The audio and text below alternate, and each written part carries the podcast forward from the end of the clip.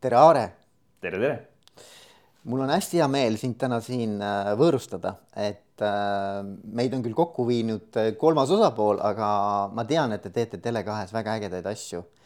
olen ise käinud teie juhtidele rääkimas ja olen mitme inimesega kokku puutunud Tele2-st ja tean, et te olete väga ägeda organisatsiooni üles ehitanud ja ehitate edasi. et selles mõttes mul on sind väga hea meel oma podcast'is teretulnuks kutsuda no ole sa tänatud, väga meeldivad kutsusid ja usun, et suudame sisuka vestluse maha pidada. muidugi, muidugi ähm,. mis ma sinu kohta tean, ma tean, et sa oled äh, olnud IFis äh, samamoodi müügivaldkonna peal, müügiosakonna juht, eks ju. ja, ja nüüd oled neli pool aastat olnud äh,, vist on neli pool aastat juba, eks ju, Tele2-s. täpselt nii, neli pool aastat Tele2 ridades. ja, ja ja noh, te olete nüüd selle nelja poole aastaga noppinud igasuguseid erinevaid äh, ägedaid äh, võite ja konkurssi, konkursse oled kokku äh, kinni pannud ja, ja igasuguseid uuringuid kinni pannud siin Eesti maastikul. ma tean, et viimane selline äge saavutus oli teil siis Taivi testostude uuring, kus te siis saite tele, mis telekomi valdkonnas või, telekomi sektoris? just, et telekomi sektoris teist aastat järjest teeme võidu ära ja pika puuga konkurentide ees, et hakkab selliseks traditsiooniks saama. ja, ja, ja no vot, ühesõnaga kõik niisugused teemad, et kuidas te sinna olete jõudnud, äh, see oleks nagu väga huvitav äh, sinuga arutada ja noh, minu podcast'i kuulajad on, eks ole, juhid või siis juhtimisest huvitatud inimesed, et siis me kindlasti võiksime rääkida ka sinust kui juhist. et äh, ega siis organisatsioon ilma inimesteta, noh, see on nagu tühi, tühi keha, eks ju et no. inimesed teevad selle organisatsiooni ja, ja juhtidena on meil väga suur mõju, et missugune see organisatsioon ja see valdkond välja näeb, nii et selles mõttes mul oleks väga huvitav ka rääkida sinu nii-öelda sellisest juhiks kujunemise äh, teekonnast. sobib hästi, räägime. ja vot, aga võib-olla siis esimene küsimus ongi, et äh, millal sa, millal sa, Aare, mõtlesid, et vot minust saab juht oih, ühelt poolt on see raske küsimus, teiselt poolt lihtne selles suhtes, et kui sa kasutad sõna juht, täpsustamata, mis see juht tähendab, et siis ma mõtlesin seda juba väikse lapsena, aga tol ajal ma mõtlesin, minust saab bussijuht. nii et eh, natukene teistsugune juht. ma mõtlen teist juhtimist. just, aga jah, kui me tuleme nüüd inimeste juhtimise juurde, eh, siis on seda raske öelda, et ma arvan, et see pisik ikka sai alguse umbes kakskümmend aastat tagasi. et juhina ma olen töötanud ligikaudu kaheksateist aastat olen ma inimestega tegelenud nii et ma usun, et eh, ma ise usun, lihtsalt ma tõesti ei mäleta sellist, millal selline klikk peas ära käis, aga, aga ma usun jah, et eks ta kakskümmend aastat tagasi hakkas tunduma huvitav ja, ja siis eh, juba mõni aasta hiljem tekkis võimalus. aga mis siis on, ma mõtlen, et kui nagu püüda kuidagi aru saada, et mis sind selle töö juures nagu kõige rohkem paelub või mis on kõige põnevam või mis sind nagu, miks paneb hommikul nii-öelda silma särama, mis, mis asi see on? Eh, minu jaoks on selle jaoks hästi lihtne vastus, et see ongi tegelikult see, et kui ma näen, kuidas inimesed nagu päriselt arenevad, et see on täna, ma võin öeldagi, et tööalaselt minu kirg number üks on inimesed. et ma olen alati öelnud, mul on elus olnud kolm kirge tööalast läbi aja. kunagi oli mu kireks eh, e-kanal et ma hakkasin kogu selle internetimaailmaga tegelema siis, kui ta tõesti Eestisse alles jõudis, õppisin kohe koodi kirjutama ja kogu selle maailmaga sain tuttavaks, et noh, tõesti, see oli aastaid minu kirg siis, kuna paralleelselt ma olen teinud, ma olen väga noorest, ühe, üheteistaastasest saadik ma olen müügitööd teinud, alustasin Eesti Ekspressis ajalehepoisina kusjuures kunagi. Okay.. et eh, meid oli siis kunagi viis, ma isegi enam, ma pole täna näinud enam ajalehepoisse, et ju siis nüüd enam eh, alaealistele ei lubata enam tööd teha, tänapäeval meil on nii palju igasuguseid piiranguid, siis oli õnneks niisugune mõnus vaba maailm, kus sai, sai nagu seda kõike harrastada. Ja, ja siis sealt edasi jah, müük on olnud mu teine kirg läbi elu ja on siiamaani, ütleme. ja siis aastat ma ütleksin kümme tänaseks, mu suurim kirg on olnud tegelikult kah inimesed, ehk siis mulle meeldib otsida inimesi, kelles ma näen mingisugust eh, perspektiivi, ehk mingisugust ainest ma näen, et nendes on. võtta nad oma tiimi, eh, kasvatada neid, arendada neid ja näha siis, kuidas nad tegelikult eh, eduni jõuavad, et täna on see minu jaoks niisugune kõige positiivsem asi. ja noh, üks on mu oma tiim, eks ole, noh, teine on muidugi terve ettevõte tervikuna meil, et, et jube äge on seda näha, kui ettevõtte sees inimesed õpivad uusi asju ja saavad aina tublimaks ja püüdlevad siis juba jälle järgmiste väljakutseteni ja loomulikult, eh, kui nad teevad seda organisatsiooni sees, siis see on eriti äge loomulikult. kui nad liiguvad organisatsioonist välja, siis noh, minu jaoks on see kokkuvõttes äge, et noh, inimene on, on iseendaga tööd teinud, inimene on iseendaga vaeva näinud, inimene jõudnud sinna, kuhu ta on tahtnud tegelikult mm. -hmm. et see on see, mis mind käima tõmbab. et ma ei tee muidugi saladust, et ega, ega töö inimestega, see on ka loomulikult alati väsitav sest mm. inimesed üllatavad sind nii positiivselt kui ka siis ikkagist vahest teistpidi. aga, aga see on selle nagu töö võlu ja valu, et äh, seda võlu on seal lihtsalt nii palju rohkem, et äh, et ei lase ennast häirida nendest pisikestest tagasilöögimomentidest. aga mis on sinu jaoks nagu juhina, ütleme nagu need kõige olulisemad sündmused või inimesed või etapid olnud, mis sind on kujundanud kõige rohkem, et kui sul kohe mõtled, okei okay,, kes on olnud need inimesed või et mis on need olnud need mingisugused juhtumised minu teekonnal, mis on võib-olla kujundanud minu käekirja juhina mm? -hmm no ma arvan, et minu jaoks sai see alguse lapsepõlvest.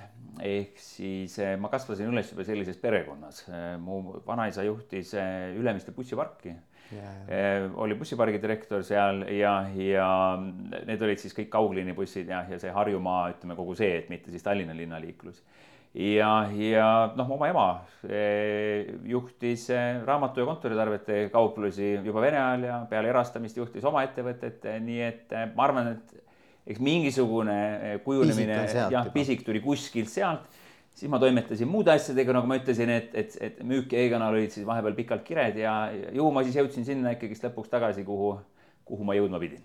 Mm. -hmm jah, aga mis on need, ütleme nagu äh, põhimõtted siis võib-olla, ma ei tea, on siis lapsepõlvest näiteks, mis on sulle endale kuidagi jäänud naha alla, et kuule, et, et et ma olen selle võib-olla vanaisalt üle võtnud või, või noh, mingid, mingid sellised väärtused või printsiibid, millest sa lähtud oma tegevuses juhina? jah, et ma ütlen, et kui alati on küsitud, et, et, et mis on need omadused võib-olla, mis peaksid juhil olemas olema, kui niipidi seda sõnastada, siis minu jaoks on, ma olen alati toonud kolm asja enda jaoks välja, mis on kõige olulisemad. Et noh, esimesena ma toon alati välja kuulamisoskuse, et eh, see on oluline müügis ja see on oluline juhtimises. kui sa kuulata ei oska, siis sa juhina fail'id sest kui sa ei kuula, siis sa ei saa ka oma inimestest aru tegelikkuses. et minu arust see on juhtidel nagu, nagu suur mure, et, et juhid käivad ja ütlevad, mis teha, ilma et kuulamata. ma ei taha, et juht, ma ei taha öelda, et juht peab kogu aeg kasutama näiteks eh, coach ivat või treenivat stiili, jube hea on, kui ta seda siiski teeb eh, suures osas, aga, aga juhi asi on kuulata, aru saada ja, ja vahest ta muidugi peab ka minema ja ütlema, kuidas toimetada siis eh, teine asi, mis ma toon alati juhtide puhul välja, et minu arust igal juhil peab olema tahe õppida. et sõltumata sellest, kui kogenud sa oled või kui tark sa oled, sul peab olema huvi õppida, õppida juhtimist, õppida üleüldse seda elu ehk tunda huvi kogu selle ümbritseva vastu, ehk siis iga päev saada natukene targemaks. ja kolmas asi, mis ma leian, ühel juhil peab olema, peab olema julgus ja just nimelt julgus usaldada inimesi. ehk siis üks juht ei saa olla ülekontrolliv. et loomulikult noh, nagu öeldakse küll, et, et usalda ja kontrolli, mis tegelikult tähendab minu jaoks ikkagi seda, et juhina sa pead laskma oma inimestel vigu teha. noh, sest tegelikult inimesed õpivad läbi vigade. loomulikult tippjuhina sa pead kuskilt taustal väga high level jälgima, et need vead, mis me teeme, muidugi ei oleks ettevõttele fataalsed. aga, aga see, kui inimesed teevad väikseid vigu, sul peab olema julgust lasta neil seda teha las lähevad, las vahest eksivad, las saavad enamasti oma edulugusid, õpivad, arenevad. et need on need kolm esimest asja, mis ma kindlasti välja tooksin mm. -hmm. kas sa oskad öelda ka, kust need tulevad, kus sa nendeni oled jõudnud? Kust, ütleme niimoodi, et kuulamisoskus on puhtalt äh, õpitud sest ma olen ise olnud terve elu väga jutukas inimene mm.. aga õnneks Eestis on äh, palju tarkasid inimesi, kelle erinevatel koolitustel ma olen käinud ja, ja juba tänaseks ma arvan, umbes paarkümmend aastat ma olen kuulnud, kuidas tubli müügiinimene peab olema väga hea kuulaja näiteks. ja, ja, ja see on mulle sealt külge jäänud. Mitte, et ma veel oleksin saavutanud niisuguse ideaaltaseme, et eks ma ise ka vahest ikka kipun veel lobisema liiga palju. et, et, et see on nagu õpitud. Äh, see õpp õppimise nüanss kui selline, see on nagu olnud veres, et äh, minu jaoks on õppimine olnud terve elu tegelikult lihtne. ma ei saa öelda, et ma oleksin koolis väga palju pingutanud. et äh, mul tulid hinded iseenesest kergelt, sest asjad jäid mulle külge kergelt, eriti ütleme siis äh, reaalained, et mhm. noh, numbrid mulle lihtsalt kuidagi, ma isegi ei oska seda kirjeldada, lihtsalt jäävad külge, et ma võin peast täitsa lambi numbreid välja võtta, mis puudutavad meil kasvõi ettevõtet, inimesi, et, et, et see on nagu külge jäänud ja, ja julgus usaldada tuleb ajas, et noh, eks ma ikka mäletan natukenegi, milline juht ma olin kaheksateist aastat tagasi, kui ma alustasin, selline noh, paras äpu, nagu ma olin tol ajal siis ja, ja, ja noh, siis kindlasti oli selle usaldusega raskusi alguses, et proovisid igat viimast kui seika kontrollida, noh, mille hind oli tegelikult siis selles, et siis töötadki nagu viiskümmend kuus, viiskümmend kuni kuuskümmend tundi nädalas, sest töö ajal sa proovid kontrollida kõiki teisi ja siis ülejäänud ajal sa proovid selle oma töö ära teha. et eh, noh, täna mul, ma kindlasti teatud nüansse, ma ütlen veelkord, jälgin rohkem, teatud nüansse ma kas jälgin vähem või siis ei jälgi üldse, aga, aga täna mul jah, sellise usaldusega probleeme ei ole ja, ja ma kindlasti võin öelda ka, et, et ma juhin ka oma, ütleme siis seda era- ja tööelu väga jõuliselt. ma ei ole juht, kes töötab viiskümmend, kuuskümmend tundi nädalas, ma pigem töötan enamus ajast kolmekümne viie, neljakümne vahel, vahest läheb lappesse, siis ma töötan nelikümmend tundi või paar tundi peale. mu siht on tegelikult selles, et töötada kolmkümmend tundi nädalas ja see on see, mida ma olen alati inimestele ka rääkinud, et, et kui keegi tuleb mulle ja, ja räägib, et issand, ma töötan viiskümmend tundi nädalas, kui ma olen tubli inimene, sorry, minu silmis tegemist ei ole tubli inimesega. et ma ei taha öelda, et tegemist on rumala inimesega, aga mõtlen vähemalt, et tegemist on rumala inimesega. minu silmis on palju väärtuslikum inimene see, kes töötab nädalas kolmkümmend tundi ja teeb seda tööd väga targalt, kui see, kes lihtsalt teeb viiskümmend tundi tööd, et noh nõukogude ajal hinnati jah, seda, loeti nii-öelda neid tunde kokku, et noh, tänapäeval ikkagist loetakse kokku väärtust, mis sa suudad luua mm.. ja, ja, ja, ja, ja noh, okei okay,, lühiajaliselt sa võid suuta see viiskümmend, kuuskümmend tundi efektiivselt töötada nädalas, aga noh, pikaajaliselt inimene ei suuda, et inimene lihtsalt väsib ära ja, ja lõpuks põleb inimene läbi, et et ma tean ka ennast, et ega kui ma kaheksa tundi järjest näiteks inimestega kohtun, teen üks-ühele vestlusi, siis loomulikult hommikul nad on palju viljakamad. et ega kella kolmeks olen mina ka ikka juba suhteliselt kutu ja, ja, ja inimestega kohtumise kvaliteet muutub oluliselt madalamaks. ja, ja ma hästi nõus jah. ja noh, see läheb kõik kokku väga hästi ka sellega, mis sa räägid, et see kuulamisoskus, eks ole, läheb kokku selle klienditeeninduse teemaga väga hästi, eks ju. õppimine, ma arvan, et samamoodi, eks ju. Ehm, ma arvan, et ka need eh, elemendid, mis on usalduse ja sellise omavahelise suhtega, mis siis on erinevate inimeste vahel, samamoodi klienditeenindusega väga selgelt seotud on ju. et ma arvan, et siit on nagu hea nüüd hüpata sinna teemasse et kuidas sa sinna valdkonda jõudsid, et klienditeenindus ja müük, et nagu, et, et kuidas see konkreetne nii-öelda teema sinuga haakub? no minu teekond iseenesest ongi läinud, äh, on mingis loogilises järjekorras läinud, et äh, ütleme, ma olen töötanud elu jooksul kolmes suures ettevõttes, et, et olen ka väiksemates ettevõtetes töötanud, olen ise ettevõtja olnud, aga need kolm suuremat ettevõtet ongi, ma töötasin kunagi Starmanis, äh, firma, mis on täna meie kalli konkurendi Eh, käe all ja, ja töötasin seal ärikliendi haldurina üleüldse ja hiljem ma juhtisin seal ärikliendi haldureid, et ütleme, sealt hakkaski minu siis ütleme, juhi karjäär peale. ja, ja kui ma liikusin IF kindlustusse, siis IF kindlustus saigi alguses ütleme, see e-kanal üles ehitatud ja siis sai järjest enam-enam võetud enda alla müügiorganisatsiooni, sai võetud ka terve teenindus seal enda alla, et ütleme siis IF oli esimene ettevõte, kus sai, sai nii-öelda müüki ja teenindust juhitud, sai see kogemus kätte saadud ja, ja seal sai oldud kümme aastat ära, päris pikk aeg inimese elust eh, ühes organisatsioonis, aga ju siis oli piisavalt hea organisatsioon, et ei tahtnud sealt varem ära joosta. absoluutselt. ja, ja siis ma leidsin, mis siin salata, veel imelisema organisatsiooni enda jaoks, mis oli, oli ja on siiani Tele2 ja, ja noh, Tele2 ma juba läksingi eh, müügidirektori positsiooni ehk kogu seda müüki juhtima. ja no kus, kus see teenindus kõik tegelikult, et eh, müügist ja teenindusest räägitakse väga palju erinevalt kui kahest erinevast asjast. ja teatud kontekstis on see korrektne. aga reaalselt need kaks asja on omavahel nii tihedalt läbi põimunud, sest nad lihtsalt mõjutavad teineteist, et eh, suurepärane teenindus eh, paratamatult eh, toob sulle müüki juurde. et, et noh, neist ei saa nagu lõputult erinevalt rääkida, et noh, loomulikult müügis on teatud oskused ja võtted, mida sa pead teadma, aga, aga kui sa tead pelgalt neid müügioskusi noh, sa võid teha hea müügi ära, aga, aga ta pigem aitab sind võib-olla siis sellises, ütleme, lühikeses perspektiivis. kui sa suudad ka pakkuda võrratut teenindust sinna kõrvale, noh, siis sa tagad endale pikaajalise tulu. ja, ja, ja ei, nad on, ma arvan ka samamoodi nagu väga selgelt seotud. ma mäletan kunagi, ma olen Elionis kunagi töötanud muide. E, ma olin Elionis ehm, noh, erinevatel positsioonidel, aga personalivaldkonnas. ja meil oli üleminek kontaktikeskuselt ehk siis needsamad inimesed, kes vastavad kõnedele, eks ju e,.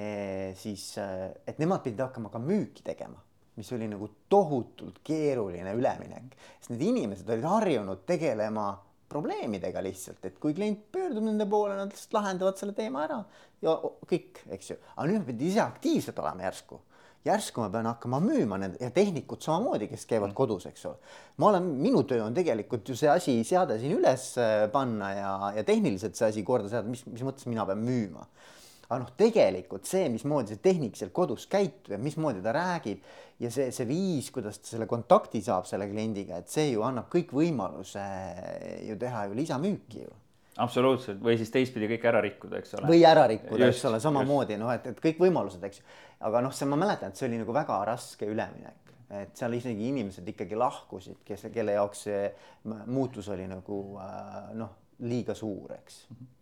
aga see ongi selle, sellistel hetkedel tegelikult okei okay,, et äh, et inimesed ju ongi erinevad, inimeste enda profiilid on erinevad ja ka, ka see töö, mida teevad, et mida, mida inimesed teevad, et ka seal on see profiil erinev, et noh, me ei saagi tahta seda, et inimene, kes on tegelikult võib-olla väga võrratu just nimelt ainult selles teeninduse pooles, igale ühele see müük ei sobi, eks ole mm. -hmm. isegi noh, asi, asi on ju tegelikult veel keerulisem, et toome näite, eks ole, sama, et osadele inimestele meeldib müüki teha telefonis, eks ole. ja kui öelda nüüd sellele inimesele, et, et ma viin su esindusse noh, siis on kabuhirm ja, ja ta pigem lahkub ettevõttest, talle ei meeldi see. ja on vastupidi, et need, kes on esinduses, nad teevad võrratut tööd inimestega näost näkku.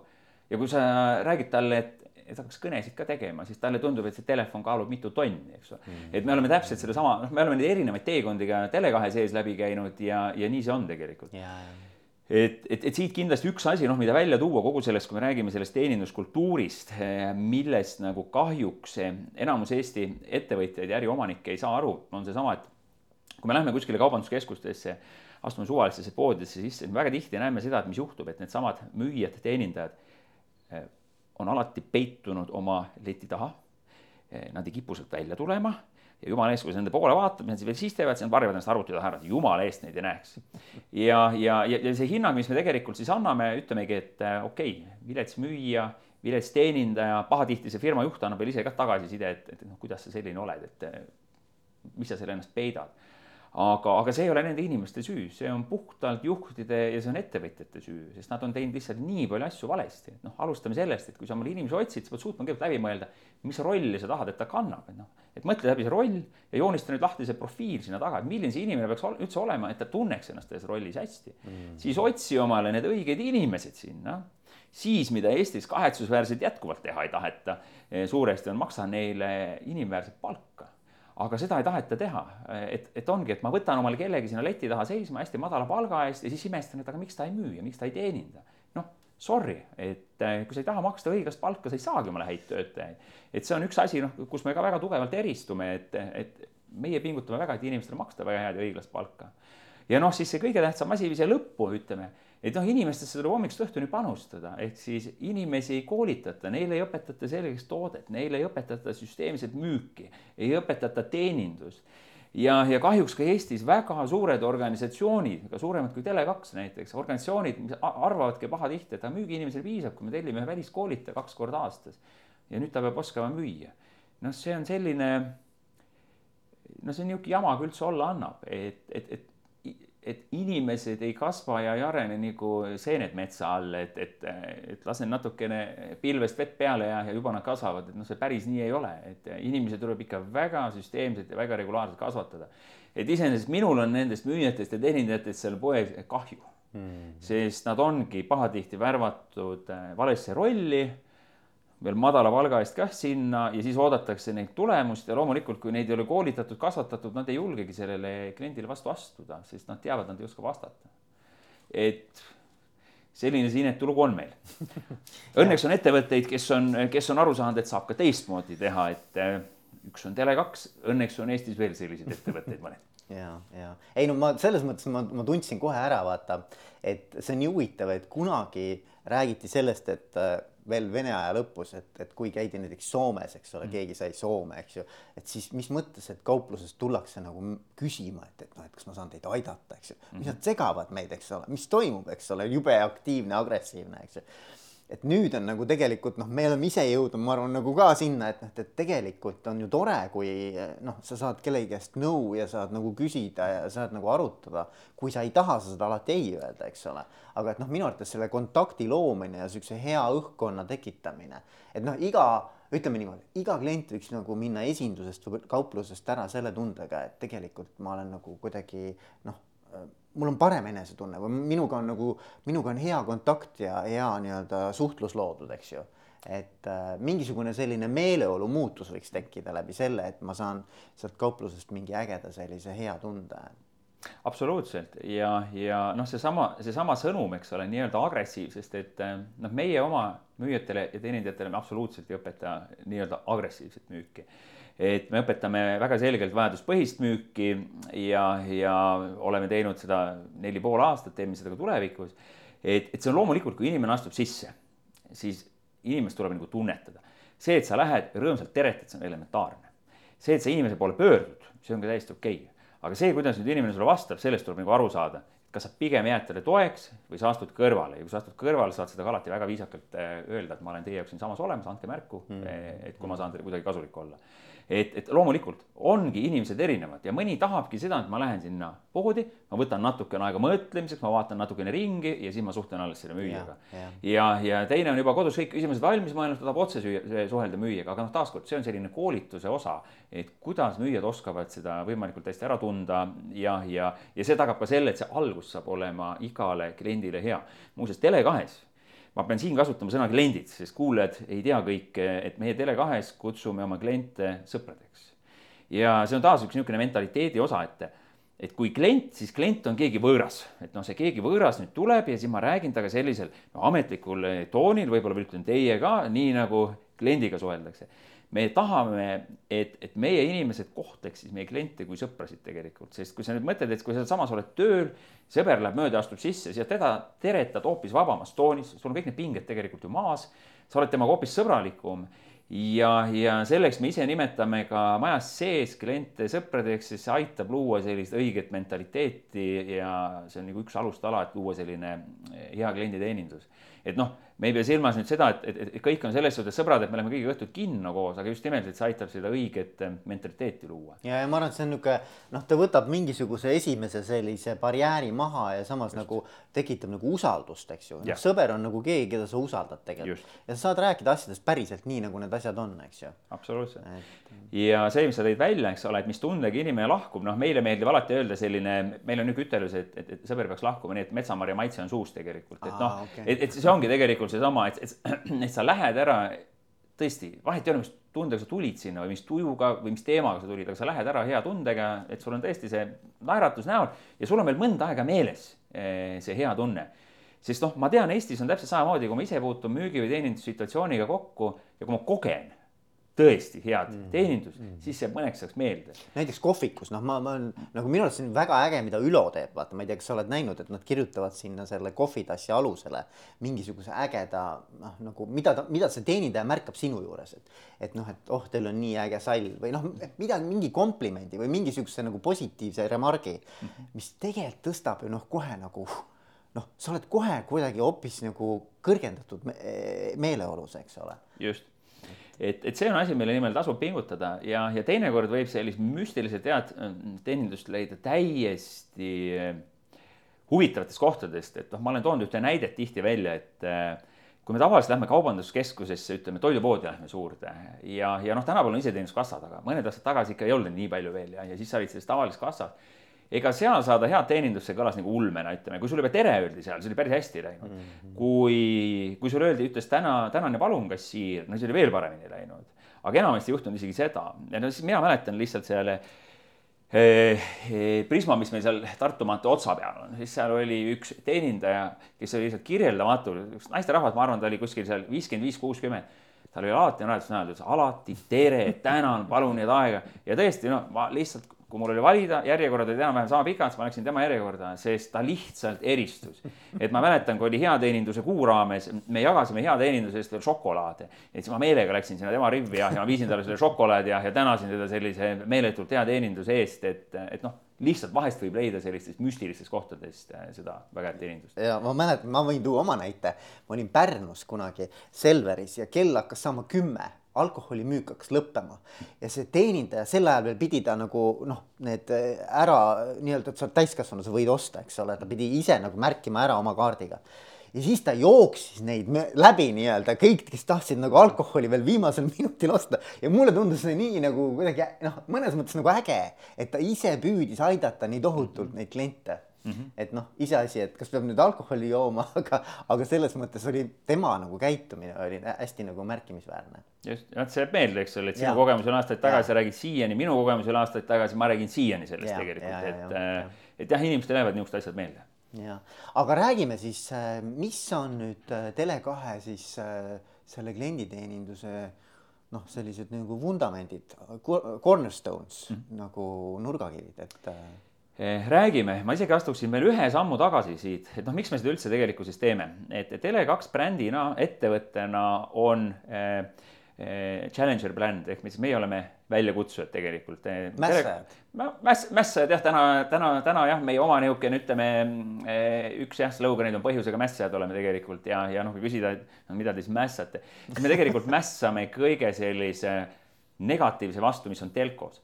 aga noh, kui Tele2 sündis Rootsis, siis Tele2 sündis, et mässata monopoli vastu nimega okay., tänase, tänase nimega Telia turul, sest samamoodi nagu Eestis oli ka seal tollal monopol ja, ja selleks ka loodi ettevõte, millega hakata monopoli vastu võitlema. noh, väga hästi on võideldud, et noh, Tele2 on äärmiselt suur ettevõte Rootsis Leedus me oleme kusjuures number üks telekom, Lätis number kaks, Eestis oleme, olime number kaks, oleme hetkel number kolm, et ju me oleme aastate küsimus, millal me number üks muidugi oleme jälle, aga aga, aga jah, et miks me seda teeme nagu Eestis, et see on, see on kaks poolt, et üks asi on loomulikult, et eks iga ettevõte tahab ju eristuda milleski.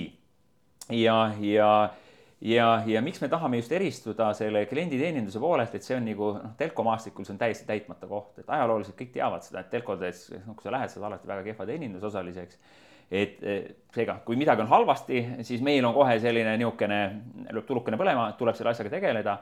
Ja, ja selleks me võtsimegi selle klienditeeninduse ette, aga tegelikult laiemalt on see kogu Eesti turg, et noh, nagu ma ka enne mainisin, siis Eestis kohtab head klienditeenindust väga harva, kahjuks ka restoranides. et jah, meil on restorane, kus sa lähed teeninduse pärast või noh, sa satud teinekord, kus sa saad väga head teenindust, aga, aga need on ikkagist vähemad, et, et, et see on, see on kindlasti alla viiekümne protsendi kordadest, eh, kui käia ja, ja me tahame luua midagi sellist, eh, millega me tugevalt eristume ühelt poolt ja siis teiselt poolt me tahame kogu selle tegevuse kaudu tõsta ka Eestis eh, teeninduskultuuri kõrgemale. ja ma isiklikult kindlasti ka tahan seda, et seesama nii teenindaja kui ka müüja ametikoht eh, muutuks oluliselt hinnatumaks ja väärtuslikumaks. sest täna kahjuks see maine on kohati nii alla tambitud. aga see ongi see põhjus, mis ma ennem rääkisin, et noh, kui sa võtad vale inimese, paned valesse rolli, ei toeta, ei koolita teda, eks ole, sellest ei saagi mitte midagi head välja tulla. et, et, et mina tahaksin ka, et selle ametikoha maine Eestis tõuseks äh, oluliselt kõrgemale kas see ei ole, sorry, ma segan vahele, et kas see, kas ei ole niimoodi, et äh, ma mõtlen, lihtsalt tahan sinuga põrgatada mõtet, et, et äh, et kui sa paned vale inimese, kelle loomuomane tugevus ei ole see, et ma tahaks tegelikult inimestega suhelda, ma tahaks neid aidata, ma tahaks nagu neile pakkuda mingit ägedat kogemust, siis, siis tegelikult tema on õnnetu mm -hmm. ja tekitab selles kliendis selle mhm. tunde, et tegelikult noh, siin ei taheta mind nagu teenindada ja siis see on nagu niisugune nõiaring lõpuks mm, -hmm. et, et ütleb see teenindaja, et mind ei väärtustata, eks ole, ütleb see klient, et mind ei väärtustata ja siis nad hakkavad üksteist veel võimendama. Absoluutselt. Ja siis on veel vahel, eks ole, siis see juht või omanik, kes, eks ole, ei ole rahul selle töötaja töö tulemustega ja, ja noh, ongi tegelikult kõik tekitavad omale mõttetu stressi yeah. Eh, selle käigus ja samal ajal siis tõmmatakse alla maine, eks ole. sest noh, see tavaline inimene, kui tema sealt poest tuleb, siis noh, tema mõte on ju ikkagi selles, et issand, kui kehv müüja see oli. ja, ja, ja kui sa käid viies poes ja saad neljas kohas sellise halva kogemuse, siis sul tekibki tunne, et noh teenindajad, noh, need ongi sellised, eks ole. ja see on äärmiselt kahetsusväärne, et, et see tekib. aga noh, ongi, et tavaline inimene, eks tavaline klient vaatab ju müüjate poole, et ta ei mõtle sellele, mis seal taga on, et see müüja ei ole reeglina selles situatsioonis üleüldse süüdi mm. -hmm. ja, ja no ei lõppkokkuvõttes noh kes see selles kõiges süüdi on, no lõppkokkuvõttes ikkagi ju kõik need süsteemi osapooled või elemendid, et noh, et, et ühes mingil tasandil on väga raske öelda, et näpuga näed, täpselt sina oled süüdi selles, aga minu arvates kõige olulisem punkt on see, et need õiged inimesed või nende loomuomaste tugevustega inimesed jõuaksid siis ka sinna teeninduse leti taha. et ma ei tea, kas sa tead seda Southwestern äh, Airlines? jah palju on teda näiteks toodud. on ju, on ju, et minu arust nagu see, mida nemad teevad oma nii-öelda lennumeeskondade kokkupanemisel on väga äge. ja, aga mina olen kriitilisem kui sina kahtlemata, et mina ütlen, et, et kes selles, kui me tahame noh, küsimus ei ole, kas me otsime süüdlast või me otsime lahendust, eks ole, ühe medali, ütleme ühe mündi kaks poolt tegelikult, siis noh, kõik hakkab peale alati firma omanikest ja firma juhtidest, ehk siis äh, nemad on need, kes seda olukorda muuta saavad. nii et äh,, et, et sealt see hakkab peale tegelikult mm. -hmm. Yeah. et ja, ja noh, kui me siit lähme, siis äh, siis noh, loomulikult nii nagu sa juba mainisid, et tegelikult algab kõik alati inimestest, et noh, organisatsioon peab leidma omale, no organisatsioon peab aru saama, mida ta kõigepealt teha tahab. kui organisatsioon saab aru, mida ta teha tahab, kuhu ta jõuda tahab, siis ta saab hakata otsima sinna erinevatesse rollidesse õigeid inimesi. et kõik peitub inimestes, aga, aga inimesi lihtsalt võtta väga häid inimesi, lihtsalt väga häid inimesi, see on nagu suht mõttetu. et võtta tuleb õiged inimesed just nimelt õigetesse rollidesse, aga selleks peab üks ettevõte teadma, mis nad teha tahavad. Mm.. et noh, ma võin tuua ühe teise näite, mis on alati hästi tihedalt seotud inimestega, et ma arvan et, et üheksakümmend protsenti, kui küsida Eesti ettevõtete tippjuhtidelt sellist asja, et, et noh, mis su ettevõtte kõige suurem vara on? no üheksakümmend protsenti tippjuhid ütlevad, et inimesed. Mm. ja siis, kui sa küsid sellesama tippjuhi käest, et aga mis te teete siis selle jaoks, et inimesed on nii suur vara, siis omakorda sellest üheksakümnest protsendist üheksakümmend protsenti hakkab, noh, siis on pikk niisugune kökk, kökk, kökk, mökk, mökk, mökk, mökk tuleb ja, ja siis, siis jõutakse reaalni, et aga noh, me maksame täitsa head palka. Ja see on kõik nagu, ehk siis loobitakse hästi julgelt õhku, Eesti tippjuhid loobivad hästi tipp, hoogsalt õhku selliseid olulisi loosungeid. et, et kas ise särada või lasta ettevõttel särada, aga seal taga tegelikult mitte midagi ei tehta reaalselt ehk siis loosungid ise ei vii meid mitte kuskile, et seal taga on vaja tegusid. ehk siis pahatihti jah, Eesti tippjuhid käituvad nagu meie poliitikud, noh, poliitikud on nagu väga ilus näide sellest, et loosungeid lendab kogu aeg, aga tegusid on ümmargune null, et noh, kui sa vaatad mingisugust ajaraami, kolm aastat, viis aastat, mõtled, mis siis muutunud on, saad aru, et noh, tegelikult pole mitte midagi muutunud, aga hommikust õhtuni räägitakse. viimased kaks aastat mulle meeldib, räägitakse, et tegeletakse kriisijuhtimisega tegelikult juba kaks pool aastat tegeletakse kriisijuhtimisega poliitikas, noh lihtsalt naeraribadeks, kui kuulata neid õhtuseid saateid sealt ETV pealt, et ma ei kujuta ette, et erasektoris firma CEO räägiks kaks pool aastat, ta juhib ettevõttes kriisi. no ta oleks viis korda lahti lastud selle aja jooksul juba, et noh, see on piinlik lihtsalt, aga noh, poliitikas võib sellist asja lubada, et noh, seal on jah, niisugune teine tase, ütleme siis niimoodi aga räägi, kuidas see Taivi äh, testostude uuring, et kuida-, kuida-, mis, mis asjad sealt välja joonistusid, te olite nagu pika puuga esimesed, aga mis ja. on need kõige olulisemad nagu eristumise kohad teistest? noh, Tive siis, äh, Tive on siis jah, Eestis äh, uuringufirma, kellelt saab tellida uuringuid, aga kes teevad siis ka ise täiesti omal algatusel täiesti siis sõltumatuid uuringuid. ja, ja üks uuring jah, mida nad teevad, ongi siis äh, eesti keeles on siis pimeostud, inglise keeles mystery shopping nagu rohkem suupärane. Nad teevad siis pimeostu, ostusid erinevates sektorites ja iga aasta nad teevad ka telko sektoris ähm, pimeostud uuringu, see on üle Baltikumi ja kõik operaatorid on siis sinna kaasatud. ja seal mõõdetakse siis väga erinevaid aspekte, sellest samast, mis sa juba ka ennem jutuks tõid, et kui inimene astub uksest sisse, kuidas ta sealt vastu võetakse. kas müüjal on nii lihtne asi, kas nimesilt on rinnas näiteks või ei ole, kas müüja on hoolitsetud, kas ta tuleb äh, naeratus näol või tuleb sinna niimoodi väsinuna astub sinna raske ohkega uksest sisse, tuleb vastu, eks ole. mis see energia nagu on? just nimelt, et mis on selle inimese energia seal sees. Äh, kuni siis selleni, seal käivad kõik etapid läbi, et kas inimest kuulatakse, kas inimesele leitakse lahendus, kas tehakse selge ostuettepanek, kas pakutakse juurde teisi teenuseid, kuidas siis kogu see müük välja noh, kokku võetakse, mis tundega inimene sealt lahkub tegelikult, ehk siis mõõdetakse ära kõik need äh, nüansid ja kui võtta nüüd kõik need nüansid kokku, siis meie tulemus oli kaheksakümmend viis koma üheksa saja palli skaalal. noh, see tähendab siis sisuliselt seda, et me teeme peaaegu kõik ideaalselt. No, ühesõnaga 100... nad, nad siis, see skaala on nullist sajani ja te ja. olite kaheksakümmend viis midagi. koma üheksa, jah, oli kõik kokku, eks mm. ole, seal, seal sees on, ma ei julge peast öelda, ütleme umbes viisteist, viisteist, kakskümmend küsimust on, et okay. või noh, punkti, mida seal siis vaadeldakse ja noh, mis siin salata, meil töötab ettevõttes inimesi, kes said tulemuseks saja või siis said seal üheksakümmend kaheksa, üheksakümmend üheksa. ehk siis kogu see kontakt sõbraga, seal ei ole mitte ühtegi eksimust, et noh, kui nüüd natukene mõelda, et inimesed, kes müügimaailma teavad, et kui palju on ühes müügisituatsioonis vaja sul teada asju. noh, räägime juba, kui palju sa seadmetest pead teadma, sa pead teadma pakettidest, sa pead, sa pead samal ajal suutma kuulata, sa pead suutma leida seda lahendust, siis on sul veel, siis on sul vaja meeles pidada, noh, kui seadme müüd, tegelikult oleks kindlustust kah sõbrale juurde pakkuda, et, et et sõbral oleks turvaline selle seadmega. Siis tänapäeval, kuna meil on nii palju igasuguseid nõudeid näiteks andmekaitse osas, siis on elementaarne, sa pead sõbralt veel küsima nõusolekut, et me võiks saata talle ka personaalse lähenemisega lahendusi ja nii edasi mm -hmm.. eks see, see checklist on sul nii meeletult pikk, et ma ütlen, see müüja töö on meeletult, meeletult raske tegelikkuses ja nad suudavad sajast punktist tuua ära sada või üheksakümmend kaheksa, üheksakümmend üheksa. no see on ulme. mina isiklikult, kes ma olen üheteistkümnendast eluaastast müüki teinud, seega täna juba aastakümneid, no mina küll ei usu, et ma suudaks sada ära tuua. Aga no vot, nii imelised inimesed on. ja mõtle veel klienditeenindus, tegelikult see on ju ka väga nagu niisugune nagu subjektiivne tegelikult. et see noh, okei okay,, seal on kindlasti mingisugused käitumuslikud kriteeriumid mm, -hmm. aga see testostleja, ta mm -hmm. ikkagi paneb oma mingisuguse noh, mingi läbi mingite prillide, mingi oma subjektiivse prilli vaatab seda asja ka ju, et, et noh, et selles mõttes seal tuleb seda ka arvestada, et need sadat saada noh, nagu üliraske, et sa pead ka inimesena ka kuidagi meeldiv olema ja meeldima talle. absoluutselt ja noh, mis teeb raskeks, eks ole, lähtuvalt ka diskimudelist, et noh, inimesed pannakse nagu nelja värvi järgi ära jagatakse. iga värv tegelikult neile meeldib, kui neile lähenetakse kah erinevalt, ehk siis sa pead meeletult hästi nendesamade esimeste sekunditega, kus sa juba tervitad, aru saama, milline see inimene on et, et mis temale meeldib, eks ole, kuidas talle läheneda ja saada seda pihta nii, et sa tood selle tulemuse sada ära, noh, ma ütlen veelkord, see on ulme, et loomulikult ma olen meeletult tänulik meie müüjatele, teenindajatele.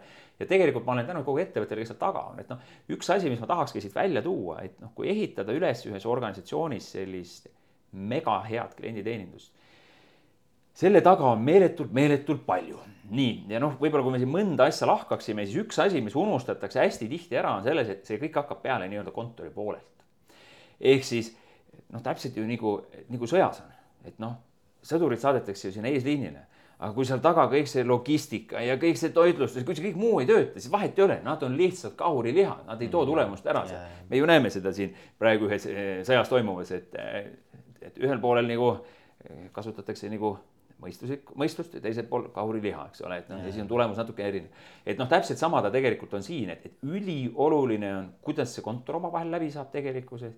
ülioluline on, kuidas see kontor mõistab üleüldse eesliini. ja see on üks niisugune hästi raske moment tegelikult klassikaliselt ettevõtetes, et, mis unustatakse ära, et kui kontoris kolleeg pöördub poole, küsib midagi. okei okay,, noh, ma vastan talle ära pärast lõunat, sest noh, ei olegi kiiret. aga kui pöördub nüüd eesliin, eesliinil, sest sõber seisab seal vastas ja esitab küsimuse temal on seda vastust vaja saada kohe, ehk kogu see reageerimise kiirus peab olema täiesti erinev, kui küsimuse esitab sulle eesliin.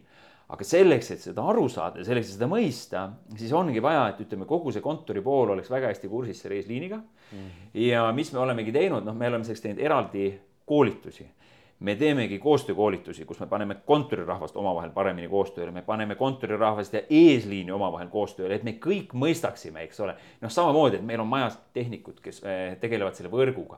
aga meil on ka vaja mõista, eks ole, nende tööde eripärasid, miks need asjad just käivad niimoodi. ja sellega noh, aitabki kaasa, me teeme meeletult, meeletult erinevaid koostöökoolitusi, veame, et see on üks pool ja teine pool, me push ime hästi palju, et meie kontori inimesed käiksid aeg-ajalt esindustes. et noh, ma saan aru, et kontorisse ongi võetud inimesed, kes nende kirg ei ole müüki teha. mõni isegi pelgab võõraid inimesi, see on arusaadav, inimesed on täitsa erinevad, et mõni on, mõnel on lihtsam võõra inimesega kokku saada, mõnel on see väga raske. aga me ütlemegi, et te ei pea isegi, kui te ei julge, ärge siis suhelge meie sõpradega, aga lihtsalt minge seiske seal kõrval Te lihtsalt näete neid situatsioone, te näete, kuidas sõbrad tegelikult neid küsimusi esitavad ja teil on kontoris palju lihtsam mõista, et noh, miks ma peangi eesliinil selle vastuse tegelikult kiiresti andma, selle lahenduse leidma. sest sõber on sel hetkel seal ja tahab kohe vastust saada mm. -hmm. et sellesse me teeme väga intensiivselt. kogu organisatsioon tegelikult on selle taga, mitte ainult nii-öelda need, kes siis otseselt kliendiga kokku või sõbraga kokku puutuvad, eks ju.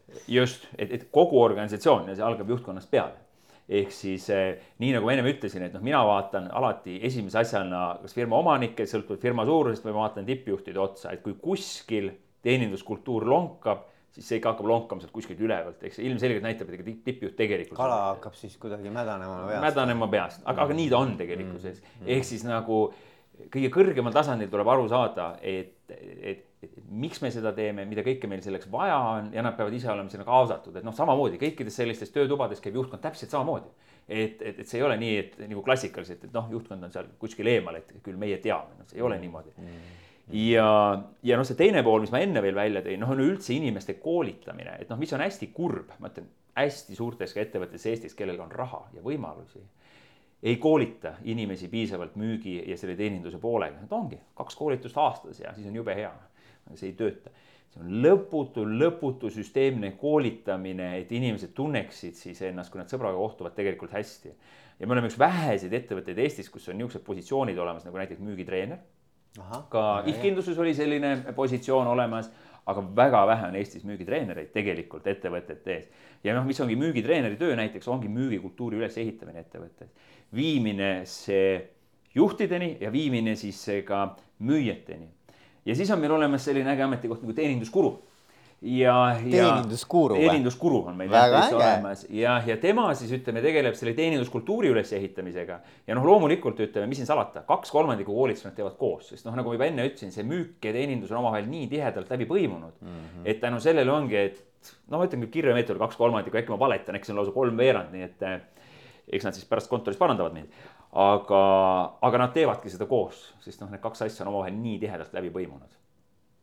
ja, ja noh, mulle tuleb kohe meelde see, et, et on ju olemas ka nagu noh, Pipedrive'is coach'id, eks ole, sise coach'id, eks. noh, ma tean küll nüüd Pipedrive küll koondab ja koondavad ka nemad ära aga aga, see mõte iseenesest mulle väga meeldib, noh, sa rääkisid arendavast või treenivast juhtimisstiilist, eks ole mm -hmm., noh, tegelikult see nagu läheb, läheb nagu hästi sellega kokku ka ja, ja noh, kui ma kuulen, et teil on müügitreen, noh, võib ka öelda müügicoach, eks ole, mingis mõttes, eks ju. et äh, see on hästi-hästi vinge värk, mulle, mulle väga sümpatiseerib see. meil on coach veel elada ettevõttes. aa, no veel eladi coach, okei okay,, no ja. millest me räägime. aga, aga, aga, aga vaat see on selles, et, et kui sa päriselt nagu ka tahad et, et su inimesed tunnevad ühes organisatsioonis hästi, et noh, iga inimene tahab, et, et ta tööl oleks mingisugune mõte. enamus inimesi tahab kasvada ja areneda ja olla paremad. no siis sa pead ka sinna äh, panustama, mulle mm. meeldib, Richard Branson on väga ilusti öelnud, et, et koolita ja kasvata oma inimesi nii, et nad saaksid lahkuda aga loo neile selline keskkond, et nad ei taha lahkuda just nimelt. kuule, aga, aga Richard Branson, näed, sa ise tõstatasid praegu selle teema tema bränd on ju ka, kui sa mõtled nagu persooni brändi peale, siis ta on ka niisugune nagu challenge, noh, ta on, ta, ta on selgelt nagu no vähemalt ütleme nooremas või varasemas eas ikkagi selgelt niisugune challenger, eks ole. et ta nagu rebelib, ta on selline nagu väljakutsuv, eks ju, ta tahab asju teistmoodi teha noh, äh, ütleme kogu see Virgin bränd on ka ju ikkagi tulnud nii-öelda vastukaaluks igasugustele monopolidele.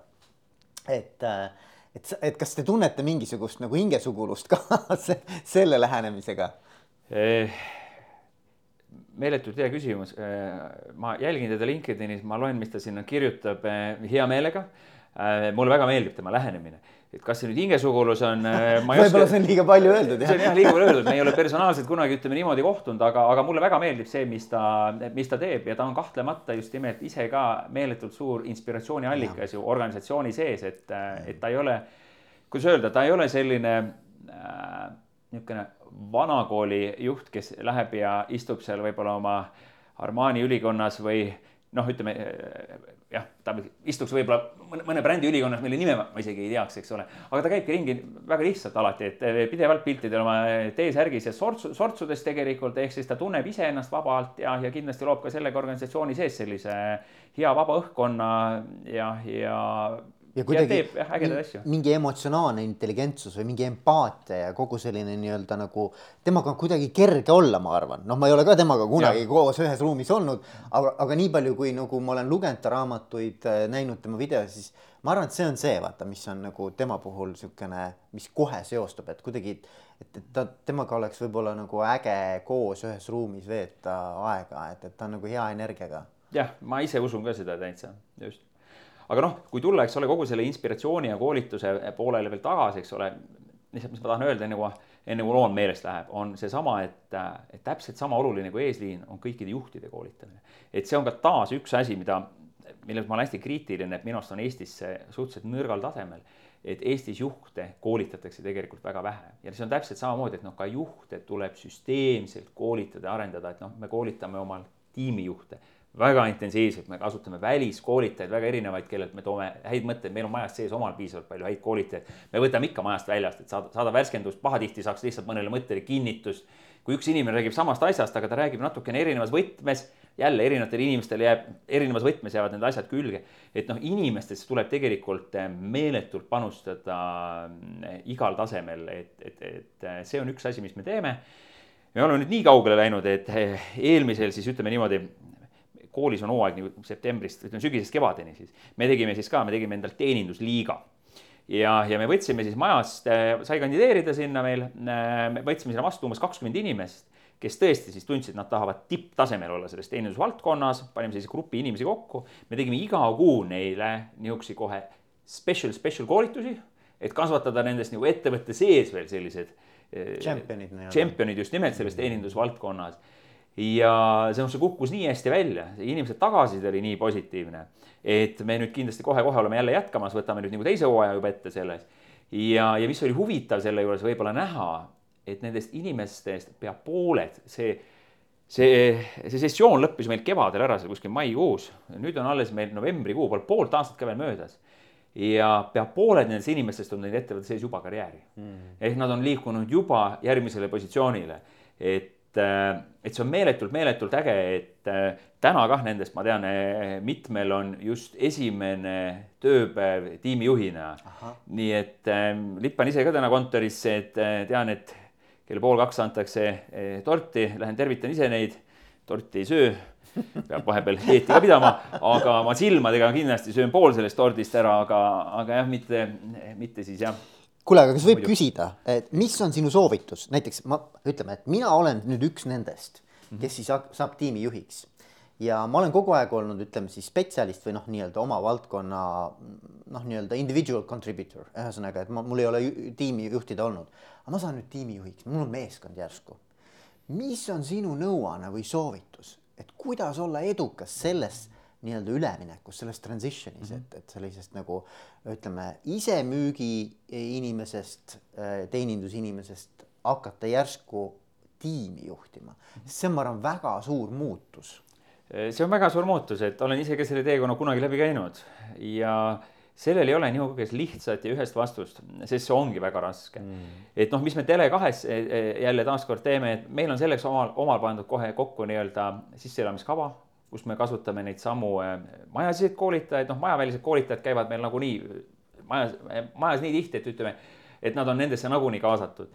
ehk siis meil on omal pandud niisugune pikem programm kokku sellest, et kuidas seda kõike, kuidas neid toetada.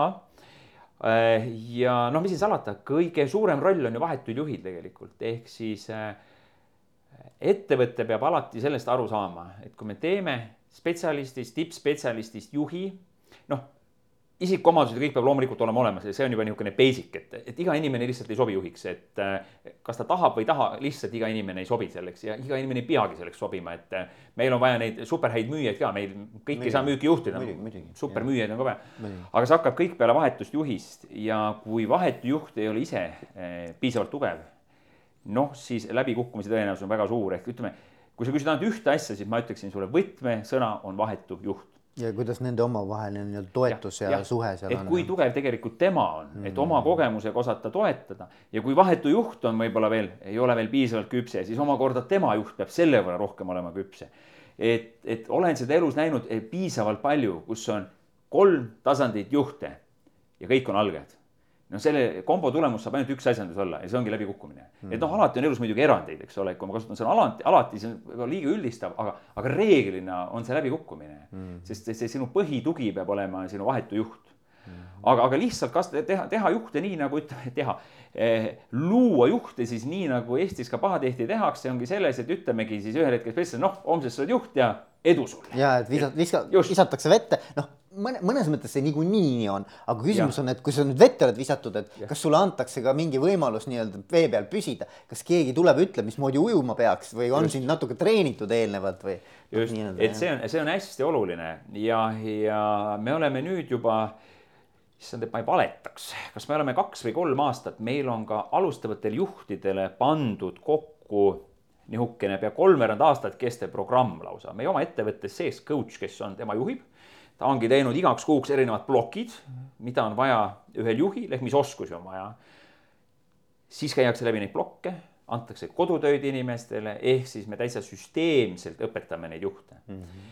et, et kui sellest rääkida, noh siis sellest peaks tegema eraldi saate või eraldi saateed, et noh, see on päris pikk teema ja, ja ma olen ise aastate jooksul seda endale pannud ähm, arvutisse kokku kah erinevaid mõtteid, et ütleme, äh, alustava juhi hirmudest võib-olla ja, ja mida alustav juht kõike peaks tegema, et ma olen pannud omale hulga slaide kokku ja, ja siis ma aeg-ajalt lihtsalt lähen ja räägin ise ka nendele mm, alustavatele juhtidele sellest, et, et kus on need kohad, mis nad võib-olla üle mõtlevad ja, ja, ja millele siis võiks tähelepanu pöörata, millele mitte, aga, aga see on jah, päris pikk, et ega seda ühe lausega siit, seda me kokku ei võta. aga ütle mulle veel seda, et kui nüüd mõni kuulaja, keegi kuuleb, eks ju, meie auditooriumis praegu, et oh kui äge, eks ju, et ma tahan, ma tahan ka oma, kas oma tiimis või oma organisatsioonis, eks ole, mingit uut kvalitatiivset taset nagu teeninduses ja müügis saavutada. siis mis su nagu ütleme, ütleme sihuke üks-kaks, maksimum kolm soovitust, et kust nagu peale hakata, et mis on teie kogemus?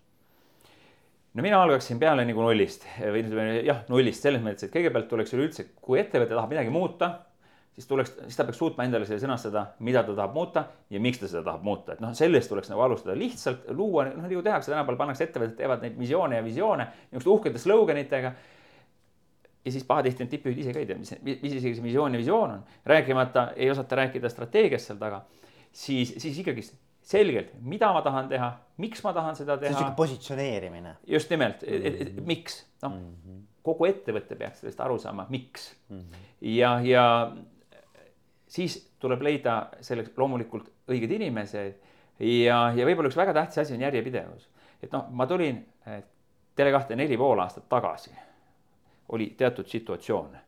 me alustasime, Veiko, kes mul on müügitreener, me alustasime temaga koos koheselt seda uue suuna lükkamist, no tõesti, kas me siis olime aasta pärast kuskil ideaalseisukohas, no ei olnud. noh, tegelikult oli tunda, et rong oli nagu liikuma saanud vaikselt aga aasta aega oli selleks tehtud äh, meeletult tööd. inerts, inerts on just, suur. just mm, -hmm. teine aasta oli tegelikult see, kus me nägime siis seda läbimurret, kus me tegelikult ka nägime, kuidas kõik see müügi ja teenindusoskus hakkas, hakkas üles minema, kõik läks paremaks, tulemused läksid paremaks, kõiksugused uuringud läksid paremaks. ma ise kuulan äh, meie sõprade kõnesid samamoodi, et parandada meie teeninduskvaliteeti, kus sa nägid, kuidas tegelikult see kõnede kvaliteet paraneb.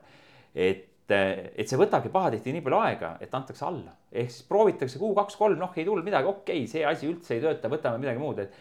et noh, kui on väike ettevõte, kus on võib-olla viis-kümme inimest, eks ole, siis on see võib-olla tehtav kiiresti, aga kui sul on organisatsioon nagu meil, kus on üle kolmesaja viiekümne inimese, siis see ikka võtab üksjagu aega. ja, ja noh, nüüd on neli pool aastat sellega tegeletud, ütleme, pilt on täitsa kena. kas meil on veel arenguruumi? Oh jumal, on küll. aga mis teie eesmärk on, ütleme niimoodi, et kui me räägiks sinuga, Aare, ma ei tea, kolme-viie aasta pärast ähm,, mis võiks olla siis nagu sinu selline visioon, et kus te olete? visioon on selline, et kui tänaval minnakse ja küsitakse inimese käest, et kuule, räägi, kus sa oled saanud eh, oma elus parima, kas teeninduse ja, või müügikogemuse, siis öeldakse Tele2-s mm et me ei taha olla telekomide seas parimad, sest noh, seal me oleme ja, ja seal ei ole nagu konkurentsi selles mõttes, et see on selline juba tehtud teema. me tahame olla nagu Eestis parimad, et kui me alustasime neli pool aastat tagasi, me tegime jälle hästi palju niisuguseid miks ma kasutan sõna workshop'id, on selles, et kolmsada viiskümmend inimest panna ühte saali ja teha mingit arutelu, see ei tööta, siis me tegime väikestes seltskondades erinevaid workshop'e. ja kui me küsisime tol ajal, et samamoodi, et kuulge, öelge, et kust te olete parimat teeninduskogemust saanud seal hakkasid korduma teatud ettevõtted, no ühtegi telkot sealt välja ei tulnud, eh, polnud küsimustki, aga seal hakkasid korduma teatud firmade nimed, kui me inimestelt küsisime. ja see on see, kuhu me tegelikult tahaksime jõuda mm., et kui me tänava peal lihtsalt küsime, siis eh, Tele2 on see, mis välja toodaks mm,. Top of mind nii-öelda. jah, just mm. esimesena mm., et jõhker töö, aga eh, ei ole mina ega ei ole mu kallid kolleegid, allaandjad, tüübid, nii et, et selle nimel me kindlasti panustame mm.. ja ja mis ma veel tahtsin lisada, vot oli seesama juhtide teema. Juhtide olulisuse teema alati, et mis unustatakse väga tihti ära, on seesamas, et mina võtan nagu see, see, see juht on ju nagu, on nagu natukene nagu see vihmavari selles suhtes, et, et teenindaja on see, kes peab kõike oma õlul kandma ju tegelikult, sest tema on seal eesliinil aga kõik see juhid ja see ülejäänud ettevõte ongi nagu see vihmavari sul seal kohal, et noh, ega kui see vihmavari on sul vilets ja läbi sajab, no jube raske on seda tööd teha tegelikult, ehk siis sul peab seal kohal olema väga-väga hea vihmavari. ja mida mina ootan kõigilt oma eh, tiimijuhtidelt organisatsioonis on selles et, et seitsekümmend viis protsenti tööpäevast nad pühendavad inimeste arendamisele, seitsekümmend viis protsenti. kakskümmend viis protsenti võivad nad muu asjaga teha, kahekümne viie protsendi sisse läheb kõik igasugused emailid või ma ei tea, mingi raporti vaatamine. tulekahjud, operatiivsed küsimused. just mm., aga mitte rohkem, et, et see on see, mida mina näen jah, ideaalselt, et sa seitsekümmend viis protsenti päriselt pühendad oma inimestele, sa oled nende inimeste kõrval, sa vaatad, kuidas neid läheb, neil läheb sa kuulad nendega koos kõnesid, analüüsid neid, otsid sealt arengukohti, noh, jaemüügis sa saad seista kõrval, sa näed kõiki neid eh, teenindussituatsioone, sa toetad neid, sa käid koos koolitustel nendega, et noh, mis siin salata, meie inimesed ikka käivad koolitustel päris palju, aeg-ajalt nad küsivad juba, et, et Aare, et kas tööd ka teha saaks vahepeal. et eh, noh, vahepeal lihtsalt tekib selline tunne, mõneks kuus satub lihtsalt mitu nii suurt koolitust kokku, et, eh, et, et jah, nii see on. Aga väga, igal juhul väga tore on kuulda, mida kõike te olete ära teinud. Et kas on midagi, mida ma ei ole küsinud, Aare, aga sa mõtlesid, et vaata, ma lähen nüüd Veikoga rääkima, et vot seda ma tahaksin kindlasti ka veel puudutada, et on midagi, mis sul veel nagu südamel on? ja mul on kaks asja eh, südamel, mis on siin veel hästi oluline, mis puudutab taaskord, esimene asi, mis puudutab väga vahetult inimesi. et, eh, et millesse, üha rohkem õnneks on hakanud vaata Eestis ettevõtted panustama inimeste vaimsesse tervisesse ja, ja miks ta on nii oluline, ta on väga lihtne, et vahet ei ole, kui proff ma olen kui mul elus ei ole asjad hästi, siis mul on väga raske minna ja särada päev läbi seal sõbra vastas. vahet ei ole, kas siis esinduses või näiteks telefoni teel, noh ka telefoni teel, sa saad häälest aru, mis kohas see inimene on. ehk siis me väga palju oleme panustanud sellele, noh, see tuli eriti nüüd välja kogu selle Covidi perioodil, kus, kus inimesed liikusid kodudesse, mis tekitas väga palju veel vaimseid probleeme juurde, sest sul ei olnud ka võimalust kolleegidega võib-olla rääkida, muresid jagada et äh, me oleme toonud hästi palju Eestis selliseid äh, tarku inimesi, kes teemat valdavad, kõnelema meie inimestega, et kuidas saada iseendaga paremini hakkama.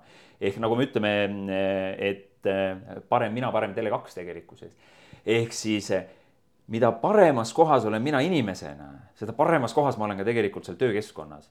Ja, ja kogu see vaimse tee, tervise teema on hästi oluline.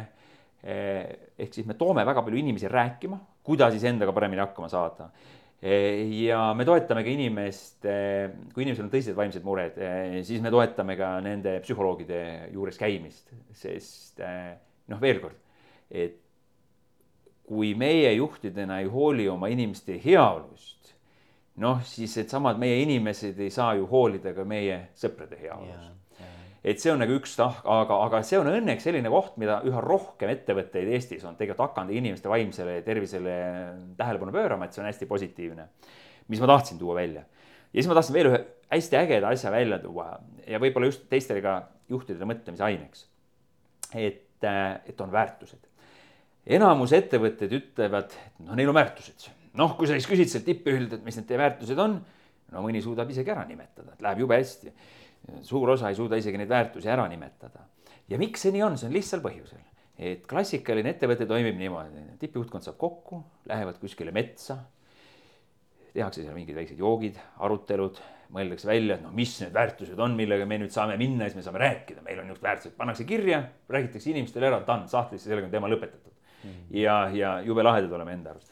Aga see ei tööta niimoodi. ja siin me oleme ka jälle mässajad, põhjusega õnneks ja meie tegime täiesti teistmoodi, Tele2 grupil on väärtused olemas mm. -hmm. aga Eestis meil on omad väärtused, millest me lähtume ja meie panime väärtused paika nõnda. me võtsime Tele2-st umbes paarkümmend hästi aktiivset inimest, saatsime nemad ka muuseas metsa. ma ei tea, kas nad jõid õllet või mitte. juhtkonda ei olnud kaasas, juhtkonda ei olnud sinna lubatud, seal olid mhm. lihtsalt Tele2 sellised ägedad äh, inimesed, neile ei antud kaasa moderaator, kes lihtsalt aitas neil seda kahte päeva läbi viia mm -hmm. ja sõnum oli selline. Teie kirjeldate ära väärtused, mis Tele2-s on ja need kehtivad kõigile ilma vaidlusteta, ka Tele2 juhtkonnale. siis, kui nad olid kaks päeva selle töö ära teinud, siis sai ka juhtkond teada, millised on Tele2 väärtused. ehk me ehitasime need väärtused eh, üles, alt ülesse, mitte ülevalt alla. me räägime neist eh, iga päev ja me värbame inimesi nende samade väärtuste järgi. Ja see tegelikult on meeletult, meeletult kasulik, sest kui organisatsioonis on inimesed, kelle väärtused on sarnased, siis nad sobivad ka kokku ka palju paremini, et noh, loomulikult ükski inimene ei saa öelda, et, et, et ta on kõikides väärtustes nagu kuidas öelda, samastub sada protsenti. Mm. just mm., aga, aga seal peab olema piisavalt suur ühisosa, et inimesel oleks hea organisatsioonis töötada, nii et eh, see oli lihtsalt vihje. see on väga-väga huvitav selles mõttes, et, et järelikult eh, juhtkonnal pidi olema väga suur usaldus, et needsamad inimesed nii-öelda peegeldavad või esindavad siis äh, seda organisatsiooni nii hästi et need väärtused sealt välja kooruvad, eks ole, just nimelt need väärtused, mida ka juhtkond äh, ise evib, eks ju. Et ma ei tea, kuidas teil tunne oli pärast, et kui te saite teada, millega nad siis sealt metsast koju tulid, eks ju, et, et kas see kattus nagu sellega, ilmselt kattus siis? ütleme niimoodi, et tunne oli algusest saadik julge ja ma isegi ei saa öelda, kas kattus või mitte, sest veel kord, meie ei hakanudki neid väärtusi looma. et me usaldasimegi selle nagu täiesti teistele et ei olnud nii, et nii, me, me siin tegime nüüd ise salaja omad väärtused, nüüd vaatame, kas kokku lähevad, sellist asja ei olnudki. et, et inimesed tegid, inimesed kirjeldasid lahti ka need väärtused, need ei olnud lihtsalt sõnad, need on lahti kirjeldatud mm., sest noh, nad ongi olulised tegelikult meile endile majas sees, et me ühtemoodi mõistaksime, mida me mingisuguse väärtuse all mõtleme. ja, ja see toimib väga hästi tegelikult. sellel oli ka, hind oli ka teine pool, ehk siis kui me need väärtused ellu viisime siis ka pärast seda ei, ei saa teha saladust, et mõni inimene pidi ka organisatsioonist välja liikuma, sest ta ei ühtinud nende väärtustega, jah mm -hmm., ta võis olla väga-väga tubli spetsialist. ta võis tuua väga head tulemust, aga kui sa, kui sa ei sulandu selle ettevõtte väärtustega kokku, no siis lihtsalt ei ole midagi teha mm. -hmm. et see on täpselt sama, nagu ma olen alati öelnud, et kui juht kaotab oma tiimiliikme vastu ära usalduse või vabandust, usalduse, usu kaotab oma inimese vastu ära, et ma enam ei usu, et see inimene selles rollis perform ib ja toob selle tulemuse ära, siis äh, siis sul ei jää väga palju võimalusi, et sul on umbes kaks võimalust. kas see inimene saata majast välja või leida sellele inimesele majas sees siis teine roll, sobivam roll. kui sa töötad koos inimesega, kellesse sa ei usu, see on äärmiselt vale, sest sa piinad iseennast ja tegelikult sa piinad seda inimest samamoodi, sest sa ei usu tasse. Sa hakkad juba alateadlikult temaga käituma kehvemini kui inimesega, kellesse sa usud, et mm. -hmm et ma seda lihtsalt alati tuletan oma inimestele meelde ja kui ma olen elus ise sattunud vahest küll õnneks väga harva sellisesse olukorda, et ma ei tea, kuidas edasi minna, siis mu inimesed tuletavad mu oma sõnu mulle endale meelde. see teeb ka mulle vahest otsustamised lihtsamaks, nii et äh, väga ja. positiivne on nii. Aga mis oli, ütleme, ma küsin siis personaalselt, et mis oli üks väärtus, mis kõige rohkem sinu personaalse väärtusmaailmaga haakis, millega nad sealt koju tulid? no mind, ütleme, eh, ma samastun kahega väärtustest, ütleme, meie väärtused on eh, kirg, julgus, usaldus ja hoolivus. ja, ja kui inimestelt on küsitud samamoodi, et no mis see aare, kõige suurem nagu, kui see sobivus match võiks olla, siis tuuaksegi välja nii kirge eh, kui julgust. Ja ma ise tunnen, et, et ma samastun veel noh, minu jaoks on kaks on noh, lihtsalt nii võrdsed, aga on see julgus tegelikult, et nagu ma ütlesin ka, et ühel juhil peab olema julgust ka usaldada oma inimesi. aga noh, juhina sul peab olema julgust veel palju asju teha, igasuguseid äririske võtta ja, ja teha asju teistmoodi, kui turg teeb ja ja, ja julgedagi, et, et noh, kui aastaga ei ole see muutus tulnud, siis ikka julgeda edasi veel ja, äh, panna, ehk siis just, mm. et, et ma arvan, et jah, see julgus äh, läheb minuga mm, kõige tugevamalt kokku. väga äge, igal juhul, Aare, mul on olnud väga kihvt sind tundma õppida natukene, Tele2 paremini tundma õppida. Ja ma soovin, et Tele2-l, mis iganes ajal me sinuga kunagi jälle kokku satume, meie teed ristuvad, et te olete oma eesmärgid ja visiooni saavutanud, nii et äh, kõike edu teile. aitäh sulle, et sa mind kutsusid ja ma loodan ka, et me siis, kui me oleme Eestis, siis kõige, kuidas öelda, kõige tuntum ettevõtte klienditeenuse valdkonnas, et siis me saame sel samal teemal jätkata. väga äge ja aitäh sulle. aitäh sulle